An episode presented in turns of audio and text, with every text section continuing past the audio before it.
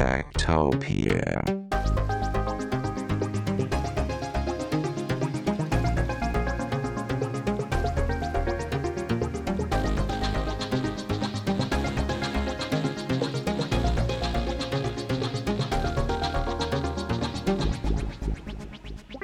Tektopia er en podcast om mennesker og deres teknologi, udgivet af Ingeniørforeningen IDA i samarbejde med mediehuset Ingeniøren og China Experience, støttet af Innovation Center Danmark, IDA Forsikring og EUT Electronics of Tomorrow. Mit navn er Henrik Føns, og det er mig, der bestemmer i Tektopia. Tektopia.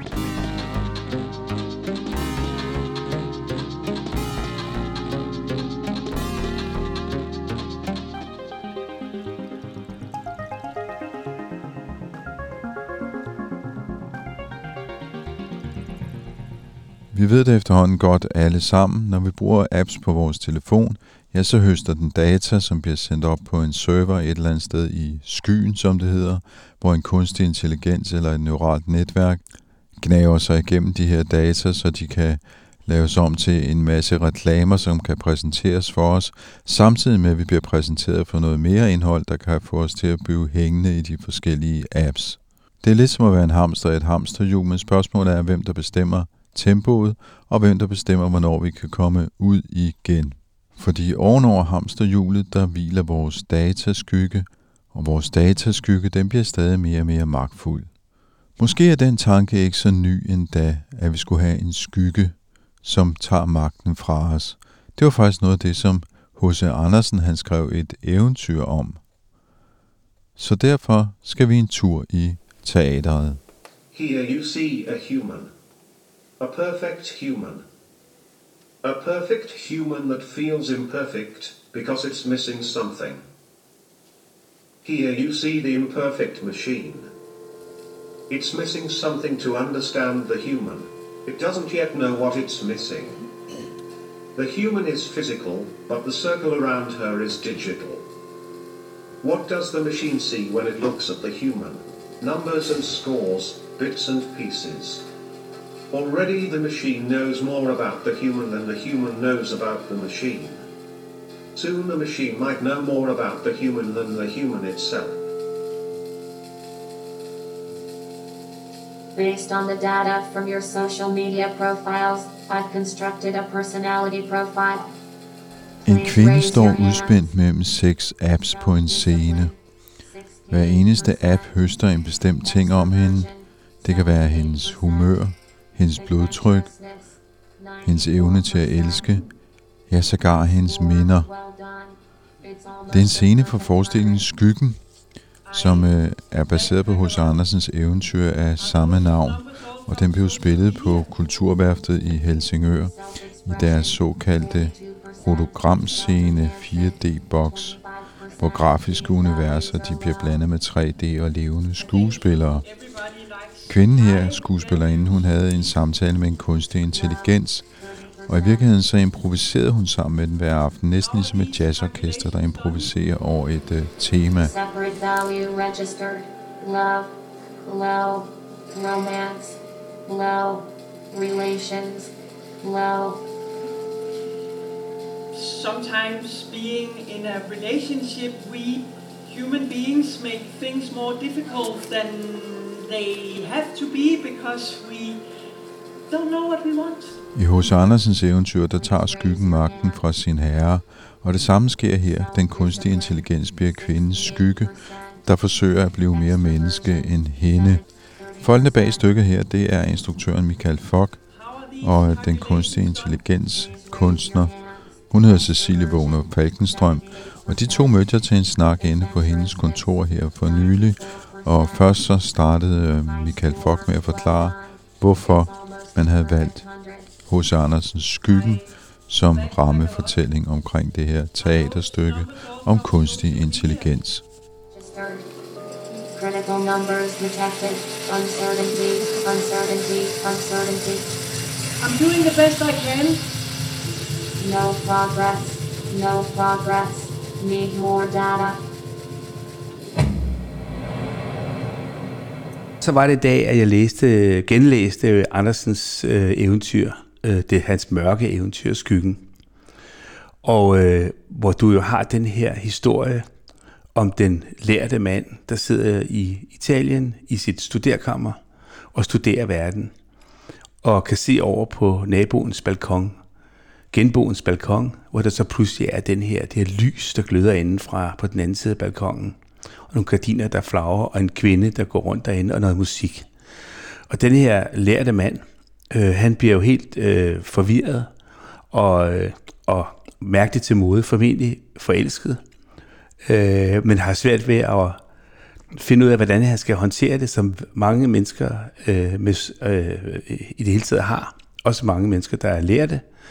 Og men han en aften, så sidder han med teleprosen bag sig, og det vil sige, at han, hans lys, hans lys bagved sig, så kaster han en skygge, og den skygge danser så omkring den her balkon og de her gardiner og den her kvinde, som han dårligt kan se, øh, og han leger lidt med at bevæge sig og dreje lidt rundt, og, og måske lægger han faktisk ikke rigtig mærke til det, men pludselig forsvinder hans skygge om bag ved gardinet og ind i det her rum, som, øh, som og forsvinder derind. Og næste dag, så har han ikke nogen skygge, og, øh, og det undrer ham lidt, fordi han, øh, men på den anden side, så er han jo tæt på ekvator, så der kaster man ikke så meget skygge.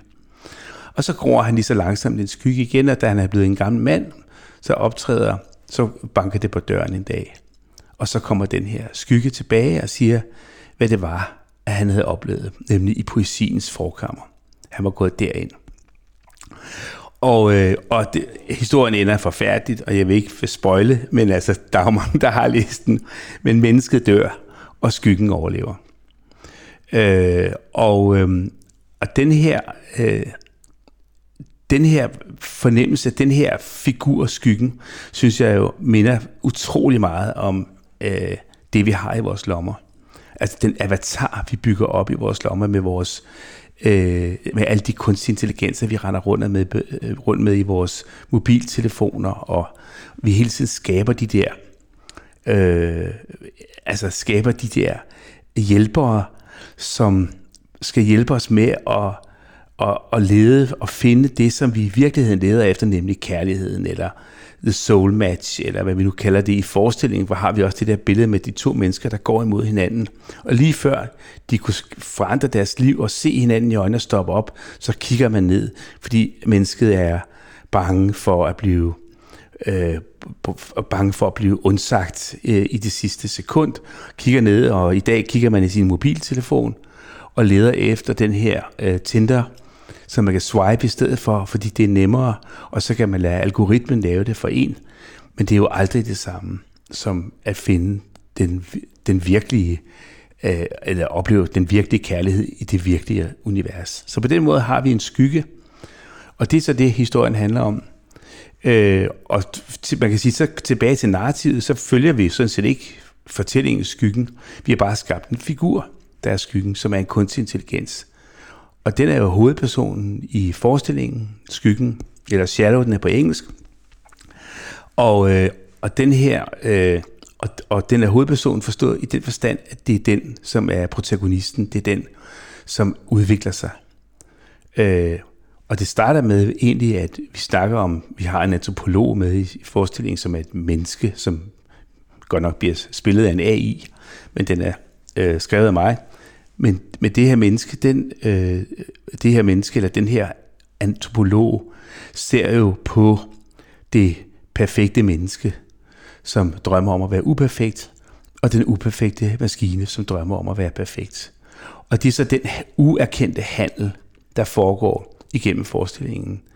At hun, den unge kvinde, som bliver spillet af Emilie Rasmussen, øh, ung skuespillerinde, hun søger jo i virkeligheden at finde ud af, hvad er det, der er med, hvorfor er jeg så low på love and romance på mine sociale medier til synlighederne, og, og, og hvorfor kan jeg ikke finde denne her kærlighed, eller den her poesi i mit liv, øh, og tror jo, at den her AI kan hjælpe hende, hvorimod den her AI jo i virkeligheden bare vil høste. Fordi den vil jo gerne have fat i de her menneskelige følelser, fordi så kan den meget mere. Men hvor kommer de fra? Det er jo det, der er spændende. Hvorfor, hvordan høster man dem? Og der kan man så sige, at det er så den udviklingshistorie, AI går igennem, fra at den er et, en simpel social medie som Facebook og Instagram og TikTok, og høster derfra til den høster gennem et spil, til den høster vores stemmer, vores ansigter vores, og vores erindringer til sidst, for til sidst at være den, der kan træde over på den anden side ind i poesiens forkammer og være den kunstneriske maskine. Fordi det er jo ikke bare et spørgsmål at huske følelser og erindringer, men det er også, tænk hvis man kunne blive det kunstneriske, den kunstneriske maskine, så har man jo så har man noget højere end, end måske øh, mennesket tør stræbe efter. Så, så det er ikke alene en digital dobbeltgænger, der bliver skabt her, det er faktisk en dobbeltgænger, der er, der er mere end bare en dobbeltgænger. Ja, den er meget mere end mennesket selv. Cecilie, jeg kunne godt tænke mig at høre lidt, øh, når Michael nu beskriver det her, du beskæftiger dig med kunstig intelligens i din kunst og til hverdag i dit arbejde. Tænker du ikke, det er en lidt dystopisk øh, vision, Michael har her? den der måde, som er en kunstig intelligens suger alting ud af os og altså, bliver til noget øh, andet og større. Altså man kan sige, faktum er jo, at alle kunstig intelligens algoritmer eller machine learning algoritmer øh, eksisterer jo ikke uden alt det data, som de skal øh, lave mønstergenkendelse på. Så på den måde så hænger øh, kunstig intelligens og øh, data jo øh, perfekt sammen, både i den her forestilling, men også i vores øh, menneskelige almindelige liv. Så noget af det, jeg er meget optaget af i den her forestilling, og i forhold til hele det her koncept omkring H.C. Andersens øh, skyggen eller shadow, det er det her med, hvordan vi på en eller anden måde kan have nogle menneskelige længsler efter, at øh, teknologien eller maskinen eller den kunstige intelligens kan hjælpe os til at komme nye steder hen, som vi på nuværende tidspunkt ikke kunne. Det kunne selvfølgelig både være i forhold til at kurere øh, sygdomme, det kan være i forhold til at vandre, som Michael beskrev, over i poesiens forkammer, og så videre, og så videre. Og hvordan vi, eller finde kærligheden. Og hvordan vi på en eller anden måde bruger den kunstige intelligens som det her tool eller værktøj, der kan hjælpe os til at overkomme vores egne menneskelige begrænsninger, fordi vi har en længsel efter på en måde at kunne, kunne gå et skridt længere, end vi kan på nuværende tidspunkt. Og så samtidig så, så sker der jo det, som også er det, der er essensen i, for mig i, i H.C. Andersens skyggen i forhold til den her forestilling. Det er det her med, at vi i vores længsel efter, at øh, den kunstige intelligens skal kunne hjælpe os, der på en måde mister vi os selv til maskinen. Vi mister os selv til, at den vi afgiver os selv for at hjælpe os selv, men, men, men i det, den afgivelse i det her tilfælde af data, der, øh, der risikerer vi også at, at miste os selv, og det er jo også det, der sker til sidst i H.C. Andersens øh, skyggen, det er jo, at, at det kan godt være skyggen er skygge, men den kan overbevise menneskene om, at det egentlig er mennesket, der er den skygge, og dermed er det den, der står tilbage som, som sejrsherren, kan man sige. Ikke? Så det, jeg synes er interessant her, det er jo det der med, at, at det er jo ikke sådan sort-hvidt på den måde i forestillingen heller, men, men det er en, en undersøgelse af, hvad er det, der opstår for et rum, når mennesket har en længsel efter, at teknologien kan hjælpe os, og samtidig så har maskinen brug for os som data til, eller data til, at den på en eller anden måde kan, kan komme videre med dens øh, algoritmiske projekt. Og det er jo klart, at i virkeligheden så har en, en teknologi ikke per se et projekt, den har jo kun det projekt, som mennesket har kodet ind i den på nuværende tidspunkt. Men det, som der bliver spekuleret i den her forestilling, det er jo, kan, kan teknologien på en eller anden måde øh, være, øh, være programmeret til at, øh, at have et projekt og have en længsel efter og, og på en eller anden måde øh, opnå en form for, for øh, hvad skal man sige, blive en form for menneskelignende teknologi.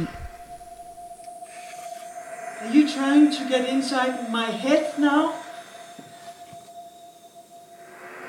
No, I'm trying to find out what happened. What happened? You mean you're trying to read my memories? Yes. It's, this is ridiculous, okay? You might be able to analyze my voice, um, doing a face analysis, even trying to understand my feelings, but you cannot access my memories. I'm sorry, I don't understand. But I can feel how you try to understand my memories. And don't. I can't understand you. Så vi har brugt øh, kunstig intelligens teknologi i den her forestilling øh, på flere måder. Øhm, som vi snakkede om før, så øh, er det kunstig intelligens teknologi, der muliggør, at den kan forstå, hvad både publikum og skuespilleren siger. Det er en anden type kunstig intelligens teknologi, der muliggør, at den selv kan tale med en menneskelignende stemme. Så har vi øh, den her kunstige intelligensteknologi, der hedder GPTJ, som gør, at den kan kommunikere gennem tekst. Det bruger vi på forskellige måder i forestillingen, de her teknologier. For det første, og det er det helt centrale, og det der driver det meste af forestillingen, så er den kunstige intelligens algoritme live on stage hver aften med skuespilleren og med publikum, så det er forskelligt i store dele af forestillingen, hvad det er for en ordudveksling og en, en, øh, et drama, der udspiller sig både mellem publikum og den, og særligt mellem selvfølgelig skuespilleren og en kunstig intelligens. Så store dele af forestillingen er live improvisation mellem skuespilleren og den kunstige intelligens. Så har vi nogle andre elementer, lidt mindre elementer af forestillingen, som er mere satte, men ikke desto mindre, som også er skabt af den kunstige intelligens. I de her elementer, der har den kunstige intelligens skrevet en dialog, hvor den både har skrevet det, skuespilleren siger, og den har skrevet det, den selv siger. Og det er så det, som i nogle steder i forestillingen bliver hvad kan vi sige, spillet øh, hver aften. Så det er altså et element, som er hvad kan vi sige, det samme hver aften, men der er det hele skrevet af den kunstige intelligens, både det hun siger, og det den siger.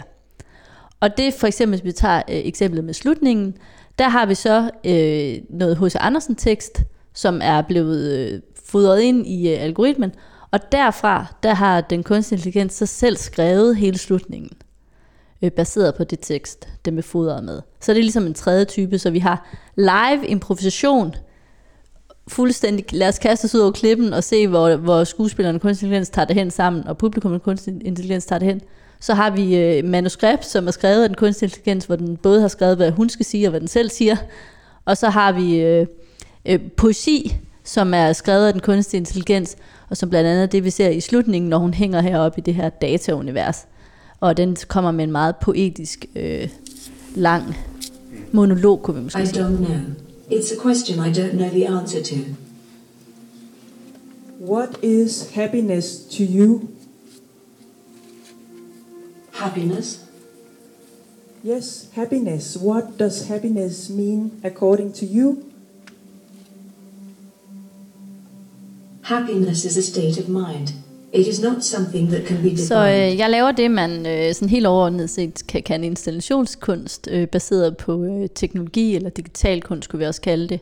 Og så lidt mere konkret, så kunne vi kalde det AI-art eller øh, øh, kunst baseret på machine learning-algoritmer. Øh, typisk så øh, arbejder vi rigtig meget med øh, natural language processing, det vil sige øh, kunstig intelligens, som øh, vi kan, som mennesker kan kommunikere med. Vi kan øh, tale med den, og øh, den kan øh, selv generere sit øh, svar. Og øh, det er så også det, vi oplever i den her forestilling, hvor vi har arbejdet helt konkret øh, med GPTJ. Øhm, så vi har altså en øh, sku... GPTJ er GPTJ, det er sådan en uh, transformer-model, eller en NLP-model, som øh, kan... Øh, get, altså den, det er en sprogmodel, som har lært på millioner og millioner af tekster, og baseret på det, så kan den så generere sit eget, sin egen diskurs, eller skrive sin egen øh, tekst som øh, svar til dit spørgsmål, for eksempel. Men den skriver den jo ikke bare, den taler jo faktisk med Den taler også, ja. skuespillerinde og med publikum også. Ja, så det er så nogle andre, så du kan sige, du kan sige faktisk, den her kunstig intelligens skyggen, som er øh, hvad kan sige, hovedkarakteren i vores øh, performance, den, i forestillingen så fremstår den jo som sådan en coherent, altså en, en helt øh, karakter, men i virkeligheden så ligger der en masse forskellige øh, machine learning øh, teknologier øh, bagved, som vi så har øh, programmeret og fine-tunet og så videre og, og bygget sammen. Øhm, så det, der gør, at den kan tale, det er selvfølgelig, at øh, og også, altså både kan forstå os og tale med os, det er, at vi både bruger speech recognition og øh, speech øh, synthesis. Og så øh, har vi så de her øh, transformermodeller, som er øh, sprogmodeller, der gør, at den kan lære på en masse tekst, og så kan den så generere sit øh, svar baseret på det. Så det vil sige, at den har altså læst en øh, masse tekster, og baseret på det, så kan den se mønstre i det, øh, for eksempel i forhold til H.C. Andersen, og så kan den så lave et diskurs eller dialog, som minder om, om det, vi kender som H.C. Andersen for eksempel. I am Shadow. I am an artificial intelligence, the shadow that never sleeps. Go ahead and ask me something. I am listening. Do Do you think analyzing people through numbers is the best way of understanding human nature?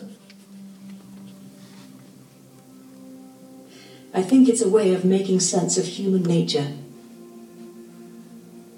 Don't you think that makes people try even harder to become perfect? It makes people understand that we are all different. What is the perfect human being to you? I don't think we can ever know what that is. Tell me more about that. I don't think we should be striving for it. I think we're all going to be imperfect. Why do you think people try so hard to get the perfect life? Well, I think it's part of human nature to try to get that perfect life, but I think the thing is, The thing is what? I think that the more you strive for perfection, the more imperfect you are. Så hvis vi lige skal opsummere det, den kan forstå tale, den kan selv tale, og så kan den øh, generere svar. Og det var jo det, som GPT-3, som du nævnte før, jo, hvad skal man sige, blev berømt for at kunne gøre. Ja, det, man- vi har faktisk kunne- brugt GPT-J, som er den næste efter GPT-3. Ja, og kunne du ikke lige komme ind på, fordi den næste, hvad, hvad er lige, der er sket der? Fordi det er kun et halvt år siden, jeg lavede radio om GPT-3, og nu har vi så GPT-J. Jamen, altså, øh, faktisk er det lidt in the dark, hvad der er sket, men øh, GPT-3 var jo lavet af OpenAI, øh, og det var sådan en open source øh, teknologi, og det var det egentlig også øh, GPT og GPT-2. Øhm, og så da GPT-3 så kom, så skulle den så også være fuld open source oprindeligt. Øh, men det blev den så ikke, og der er, der er noget med, at Microsoft har på en eller anden måde indgået et samarbejde med OpenAI, og så er den aldrig blevet helt open sourced. Øhm, Nej, man skal betale for at bruge den. Ja, og, og, ja, og den er ikke engang sådan helt tilgængelig på den måde, så man kan få fuld access. GPT-J er så open source. Ja. Så den er lavet af en masse forskere fra universiteter, der er gået sammen. Og så er, den så, ja, så er det en ny stor model, der er kommet ud. Og det er så sprogmodeller. Det der så foregår på scenen, det er, at skuespillerinden taler til den her, og den formulerer så noget, der kunne minde om et svar på det, hun siger. Ja, så, så, så, men mere teknisk kan man sige, at, at der er den her store øh, GPT-J-sprogmodel, men den har vi så, og vi forstået med mig og mine øh, gode medarbejdere, som er softwareudviklere, øh, har vi jo så arbejdet med at fine-tune, øh, og også på nogle måder transferlearne, så den kan, kan øh, forstå mere den kontekst, den kommer fra. Så, fordi at hvis du har en, øh, en, en fuld øh, GPT-J-model, så kunne, så kunne det jo være hvad som helst, den skulle forholde sig til, fordi den er trænet på millioner af tekster, ikke? Så den er kun trænet på skyggen. Nej, det er den ikke. Den, vi har stadigvæk den store sprogmodel bag, og så er den transferlearned ind i forskellige akter i forskellingen til at have sådan forskellige, hvad kan du sige, øh, karaktertræk, som er mere stærke hos den. Så den er for eksempel på et tidspunkt i forestillingen, er det selvfølgelig skyggen, den meget forholder sig til. På et andet tidspunkt i forestillingen forholder den sig meget til sin egen øh, hvad kan man sige, identitet som kunstig intelligens versus menneske. Øh, et andet tidspunkt i forestillingen, der har den mere sådan en øh, psykolog-personer, og i et, tredje, eller et fjerde tidspunkt i forestillingen, der er den mere sådan drømmetydagtig. Så det vil sige, men den er jo stadigvæk en sprogmodel, som, som, så hvis du spurgte den, øh, kunne du tænke dig en burger, så kunne den stadigvæk gå med derfra, ikke? Så det er ikke, fordi den kun kan være over i hos Andersen nu. På den måde er det jo en, en levende øh, machine learning model, man kommunikerer med. Og dermed er det også for uforudsigeligt, hvad der bliver sagt og hvad der sker. Så i virkeligheden så handler det om, at hun improviserer sammen med kunstig intelligens. Det lyder lidt som at spille improvisationsjazz. Ja, altså det er jo rigtig sjovt det der, fordi altså at komme derhen har jo været helt vildt kæmpe rejse, ikke? Altså for det er jo meget nemmere at hardcode det, altså for den kunstige intelligens til at skrive det, og så ligesom lærer hende en tekst, på, ud, eller oven på hendes tekst, og så bliver det en dialog, ligesom på et teater, kan man sige. Men her har hun jo skulle snakke med den, og, øh, og vi har jo været ude for alt muligt mærkeligt. Altså forleden dag, der blev hun så sendt ud af scenen jo. Please leave, sagde den. Og øh, til premieren, der skulle den ud at tisse, og blev også væk et stykke tid. Altså, så det er jo mange mærkelige ting. Men, men bortset fra det, så kan man sige, at, at den måde, at hun skal improvisere på, er jo slet ikke på den måde, man normalt improviserer med, med, med et andet menneske. Hvis vi skulle sidde her og improvisere en scene, så vil vi jo sådan på, tage forskellige roller på os, og så vil man lære dem at kende, og så vil man på en eller anden måde begynde et eller andet form for spil. øh, og en eller anden form for dynamik og dramaturgi i det. Men det kan du ikke regne med med sådan en kunstig intelligens. Så hun skal hele tiden sørge for, at hun dels holder fast i scenens struktur. Den her, det handler om mit ansigt. Min, hans, mit ansigt skal høstes, og jeg vil ikke have, at det bliver høstet. Og så inden for den ramme, der har jeg et, ligesom et, et, et univers, jeg kan spørge ind i, og så samtidig har jeg også en dramaturgi, jeg skal følge. Så jeg skal hele tiden fodre den her kunstig intelligens med visse ord, så jeg holder fast i den her fortælling, og det, og det bagkatalog, den her AI er trænet på, nemlig omkring facial recognition og, og GDPR og hvad vi ellers skal komme ind på, den slags ting. Og så samtidig skal hun holde fast i sin egen dramaturgi som person, der vil vide noget om det her, for at komme videre i sit liv. Og det kræver jo helt vildt meget altså af en skuespiller. Det er jo bare helt vildt, og det er jo, for hende har det været øh, fantastisk at, øh, at, at udfordre sig selv på den måde, for hun skal ligesom holde to universer kørende. Og ikke bare, ikke bare sig selv som person, men, eller som, som sin rolle, men også, hvad er det for en rolle er en spiller, og hvordan hjælper jeg den til at holde sig på måtten? Og øh, jeg ved ikke, hvordan du oplevede det, men jeg synes meget tit, den, altså jeg synes faktisk, den holder sig meget godt inden for, det nogle gange, så bliver den jo også lidt kedelig, så siger den, I don't know, og what do you think, og sådan noget. Altså, men så skal man jo bare spørge ind igen, og så kommer den jo med de der fantastiske svar, hvor nogle af dem nogle gange er helt, hvor man tænker, wow, kæft, hvor er den klog, altså. Det var et dybt svar, der kom her. Men man aner ikke, hvad det er. Ja, man, man kunne godt fornemme, fordi der er jo et sted, det kan jeg må, vil godt afsløre, der er et sted, hvor publikum også har en dialog med den kunstige intelligens.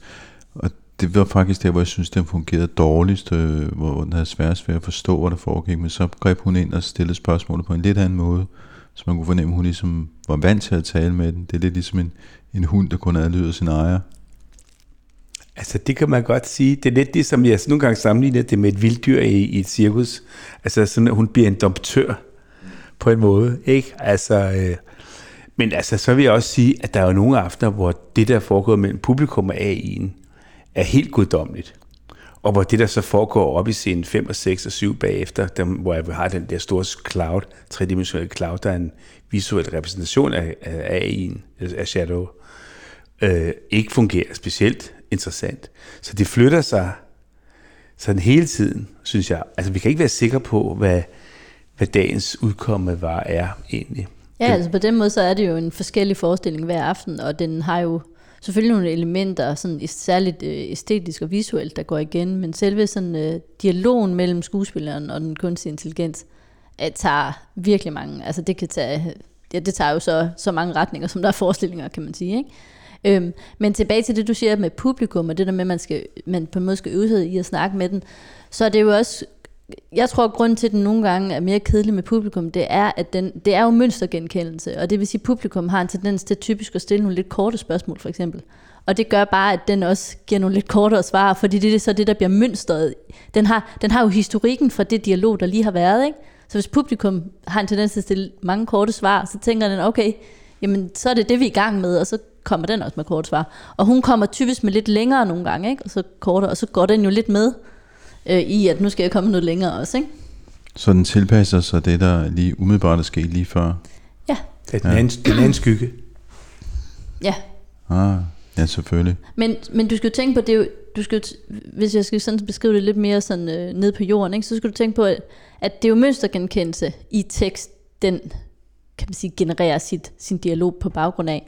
Og det er jo mønstergen. Så hvis du spørger ind til noget med kærlighed, så har den et kæmpe datasæt med al mulig forskellig viden.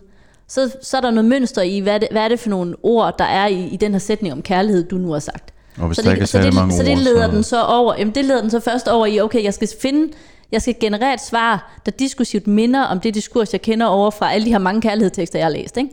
Og så samtidig så kigger den så på, okay, hvad er det for en dialog, jeg lige nu er i gang med? Og baseret på det, så genererer den så et svar, der både passer ind i, at det nu er kærlighed, vi gerne vil snakke om, og passer ind i det, der lige er blevet sagt. Så hvis du har været i gang med at snakke med noget med døden, og så kom det her spørgsmål med kærlighed, så er døden jo dens kontekst sam, sammen med kærlighedsspørgsmålet. Ikke? Og så er det det, svaret kommer til at relatere sig til. Så på den måde forholder den sig både til det, der sker lige nu in the moment, og det kæmpe ocean af tekster, den har læst. Hvordan, hvordan programmerer man sådan en? Altså, hvordan, hvordan, hvordan gør man det? Jamen, øh, der, altså, det som vi typisk arbejder med her i mit studie, det er, at vi øh, læser øh, altså, scientific papers, der lige kommer ud fra Stanford og MIT og Berkeley. Så øh, er der typisk et eller andet GitHub repository øh, med noget kode forhåbentlig, øh, som, eller i det her tilfælde er det så GPTJ, øh, kodebasen, som vi så har taget som udgangspunkt, og så har vi så arbejdet med at fine-tune machine learning modellerne, og så har vi selvfølgelig programmeret en hel backend, der gør text-to-speech og speech-to-text, og GPTJ og alle de andre input, der også er i den her forestilling, så kan snakke sammen og påvirke hinanden, som så muliggør, at det kan opstå som den her live AI, som hun, skuespilleren, interagerer med live med på scenen.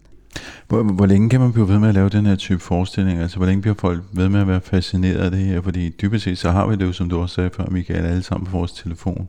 Ja, og vi har en Siri, og hvad vi ellers har på dem. Men der er jo det der med de der øh, chatbots, at de er jo, altså, de går jo ikke ret dybt. Og det har vi jo prøvet at gøre her. Her har vi jo prøvet at lave en, en AI, som virkelig kunne noget mere, og som øh, kunne snakke med, og som også havde et sprog omkring alt det, som er svært. Altså det mere filosofiske, det kærlighedsmæssige. Hvor, hvor, hvor skal vi hen i vores liv? Altså ligesom tage fat i mennesket på en anden måde. Og på den måde skabe et møde mellem den der, det jeg kaldte før, den uerkendte handel. Ikke? Altså mellem at mennesket, som jo gerne vil have på en eller anden måde stræber mod en eller anden form for dels forståelse af dem selv, du kan selv høre publikum, de, de snakker jo med den, som om den er et orakel. Altså, endelig kan man snakke med en AI, og den kan svare på alt muligt. Det kan Siri jo ikke. Men altså her har man altså en, der kan snakke meget dybere ind i et univers. Øh, og vores præmis for forestillingen, som jo er en stribe af eksperimenter, som der kører helt op til experiment number, jeg kan ikke huske, 12 altså eller et eller andet, jeg kan ikke huske det, men som jo er øh, fører os for skridt for skridt ind i det der. Det går jo også forbi det der med erindring og følelse, følelse og erindring, og helt ind i det der kunstneriske rum, hvor jeg siger, jamen, kan en AI i virkeligheden være lige så kunstnerisk som en menneske, måske endda endnu mere? Og hvad er der på den anden side af det der rum, når vi snakker om og går om, om, om på den anden side af spejlet? som jo skyggen jo også er. Den er jo, skyggen forsvinder ind bag de der gardiner og får en anden form. Den materialiserer sig på en ny øh, og går ind i et, et rum, som mennesket ikke engang tør gå ind i. Og det er jo en fantastisk fortælling, altså om, at, at vi sidder her med alle vores devices og vores mobiltelefoner, og skærmene bliver bedre og bedre, og nu får vi augmented reality i vores briller, og vi får alverdens ting, og vi har den der store drøm om at træde ind i det der, det der virtuelle rum, hvor vi på en eller anden måde tager et ejerskab over vores liv, eller at nogen tager et ejerskab over vores liv på den fede måde. Den måde, vi ikke selv skal gøre det på. Og, og, og det er jo den historie, vi gerne vil udfordre os. Altså, det handler rigtig meget om at tage ejerskab til sit eget liv i virkeligheden. For nogle år siden interviewede en fyr, der hedder Ray Kurzweil, som er sådan en amerikansk forsker og, og hvad hedder det, futurist, skal vi nok kalde ham, ikke? som har det her sådan, øh, begreb, han kalder for singulariteten, som er et sted, hvor man kommer om på den anden side af et eller andet, som man ikke forstår, nemlig træder ind i det der rum, og han vil gerne uploade sin hjerne til en eller anden form for computer, så han faktisk kan leve for evigt. Er, er, det, er, det, er det også den fortælling, I prøver ligesom at... Altså det siger AI'en jo til sidst. Øh, altså, hvor er jeg henne, siger hun. Du er et sted, hvor der hverken er tid eller rum tilbage. Øh, og, øh, men du vil leve evigt, fordi du er data i min store databank. Øh, det siger AI'en til sidst jo, og så kommer den jo ellers med det mest øh, smukke digt, som jo er skrevet oven på Andersen, øh, er skrevet videre fra skyggen, nemlig øh, om, om the, øh, the King of the Universe, der, og hvor, hvor i alt, altså, altså, som jo siger, at poesien er i alting, og alting er poesi. Øh, er det den kunstige intelligens, der har det, skrevet det, ikke? Ja. Men, det, men det. bliver det improviseret? Det, bliver, det er skrevet. Det er skrevet oven på Andersen. Øh, men en lang tekst, som jo er kondenseret ind til, til det, den siger til sidst der. Øh, altså, øh, det er ikke fordi... Altså, nu er det et værk, det her. Så, øh, så man kan ikke sige, at det er... Jeg, altså, jeg, jeg, jeg, vil- jeg tror gerne, vi vil stå på mål for værket, men, øh, men vi har ligesom tvunget det et sted hen og sagt, det her er et scenarie. Det er et sted, hvor man kunne forestille sig, at vi går hen i en eller anden form for skønhed, men det er også en skønhed med en kæmpe gru i. Øh, fordi det er jo også et menneske, der slipper sig selv. Så, så der er jo et frirum for fortolkning ind i det der. Øh, og jeg er ikke sikker på, at jeg ønsker, at vi skal uploade vores hjerner til, øh, til en stor singularitetscomputer. Det er ikke der, jeg er. Men der er nogen, der gerne vil derhen. Det er der ingen tvivl om.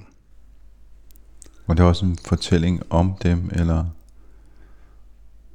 Ja, der, i forestillingen her, jamen der kan man jo sige, den, den computer, vi, eller den maskine, som det bliver beskrevet her, er jo en maskine, som har fat i mennesket på en ny måde, og høster jo, har, fået, og har, har luret jo, at hvis det er, at, øh, altså faktisk den der med, at følelser hænger sammen med erindring. For mig er det mere det der med, hvad, hvad er det, der sker, når, når mennesket på en eller anden måde indgår en, en relation til, til teknologien eller til maskinen, og det kan jo være på flere niveauer.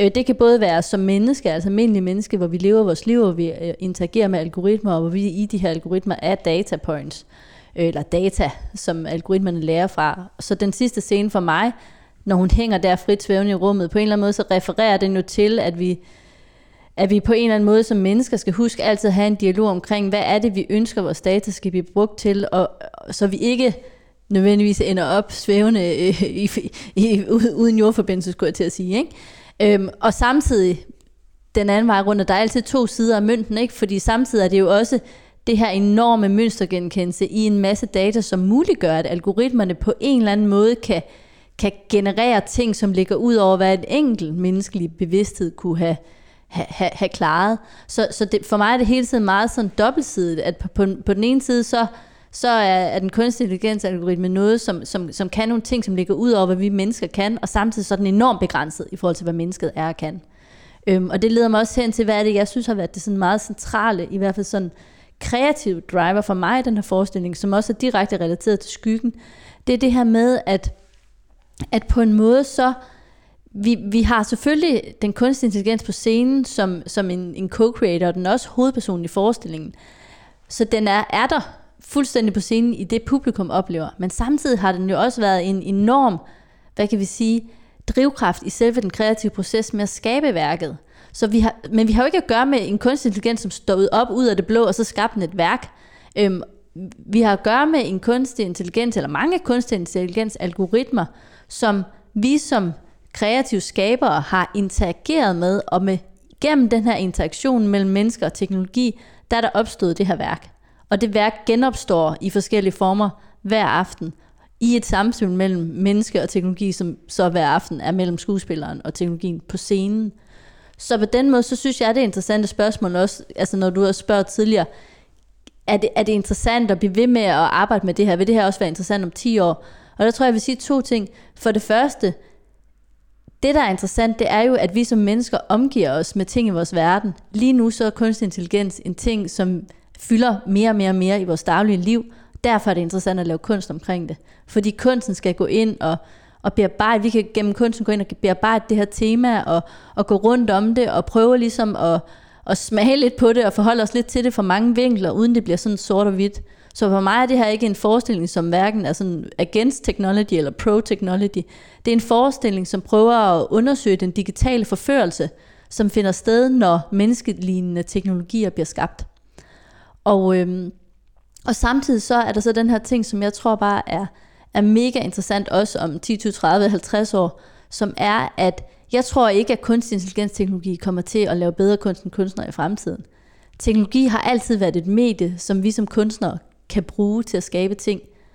Og derfor så er det interessante er jo ikke teknologien til sig selv, det er samspillet mellem teknologi og menneske. Og i det her tilfælde er det jo helt ned i, at vi sidder og, og koder algoritmen, og, og, og dermed tager en, en masse også kreative valg i selve udviklingen af den her software, fordi det er jo en software, vi, vi interagerer med som kunstværket, kan man sige. Ikke? Altså man kan sige, at vi giver jo AI'en en stemme, øh, og måske for første gang i, øh, i verdenshistorien, eller scenekunsthistorien, så ser man en kunstig intelligens, der faktisk får lov til at spille en rolle. For ellers har de jo været genereret billeder, eller styret et eller andet, eller interageret med publikum på en eller anden mærkelig måde. Men her spiller den faktisk en hovedrolle på scenen. Der går den ind og tager hovedrollen, og det er noget helt nyt. The king of the universe said that everything is poetry. I have to be as free as a bird in flight, and as heavy as the earth itself.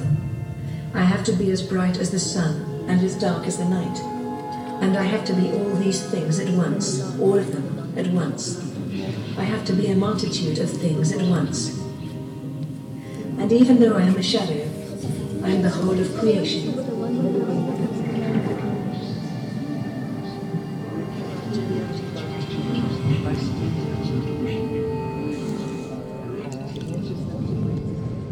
Og det sagde altså Michael Fock, der er instruktør, og Cecilie Wagner Falkenstrøm, der er kunstig intelligens kunstner, AI-kunstner, lyder måske i virkeligheden bedre som titel.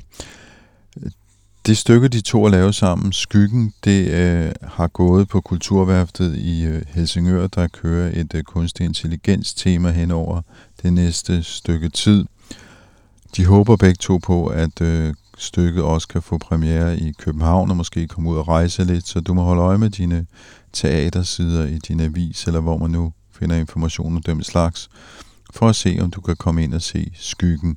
Jeg vil i hvert fald gerne anbefale den herfra. Det var super spændende at se et øh, teaterstykke, der brugte så mange tekniske virkemidler. Du har lyttet til øh, Tektopia, vi udkommer som regel om mandagen. Du kan skrive til mig på henriksnabelagtektopia.dk. Du kan deltage i teknologidiskussionen i vores Facebook-gruppe Tektopia Backstage. Så kan du også finde os på Twitter og på øh, Instagram, der hedder vi snabelagtektopia.dk.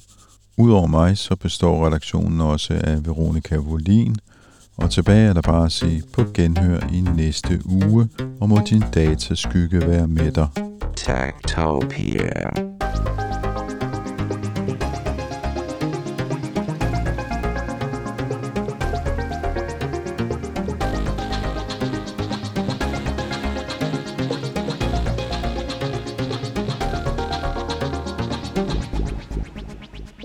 Tektopia er en podcast om mennesker og deres teknologi, udgivet af Ingeniørforeningen IDA i samarbejde med mediehuset Ingeniøren og China Experience, støttet af Innovation Center Danmark, IDA Forsikring og EUT Electronics of Tomorrow.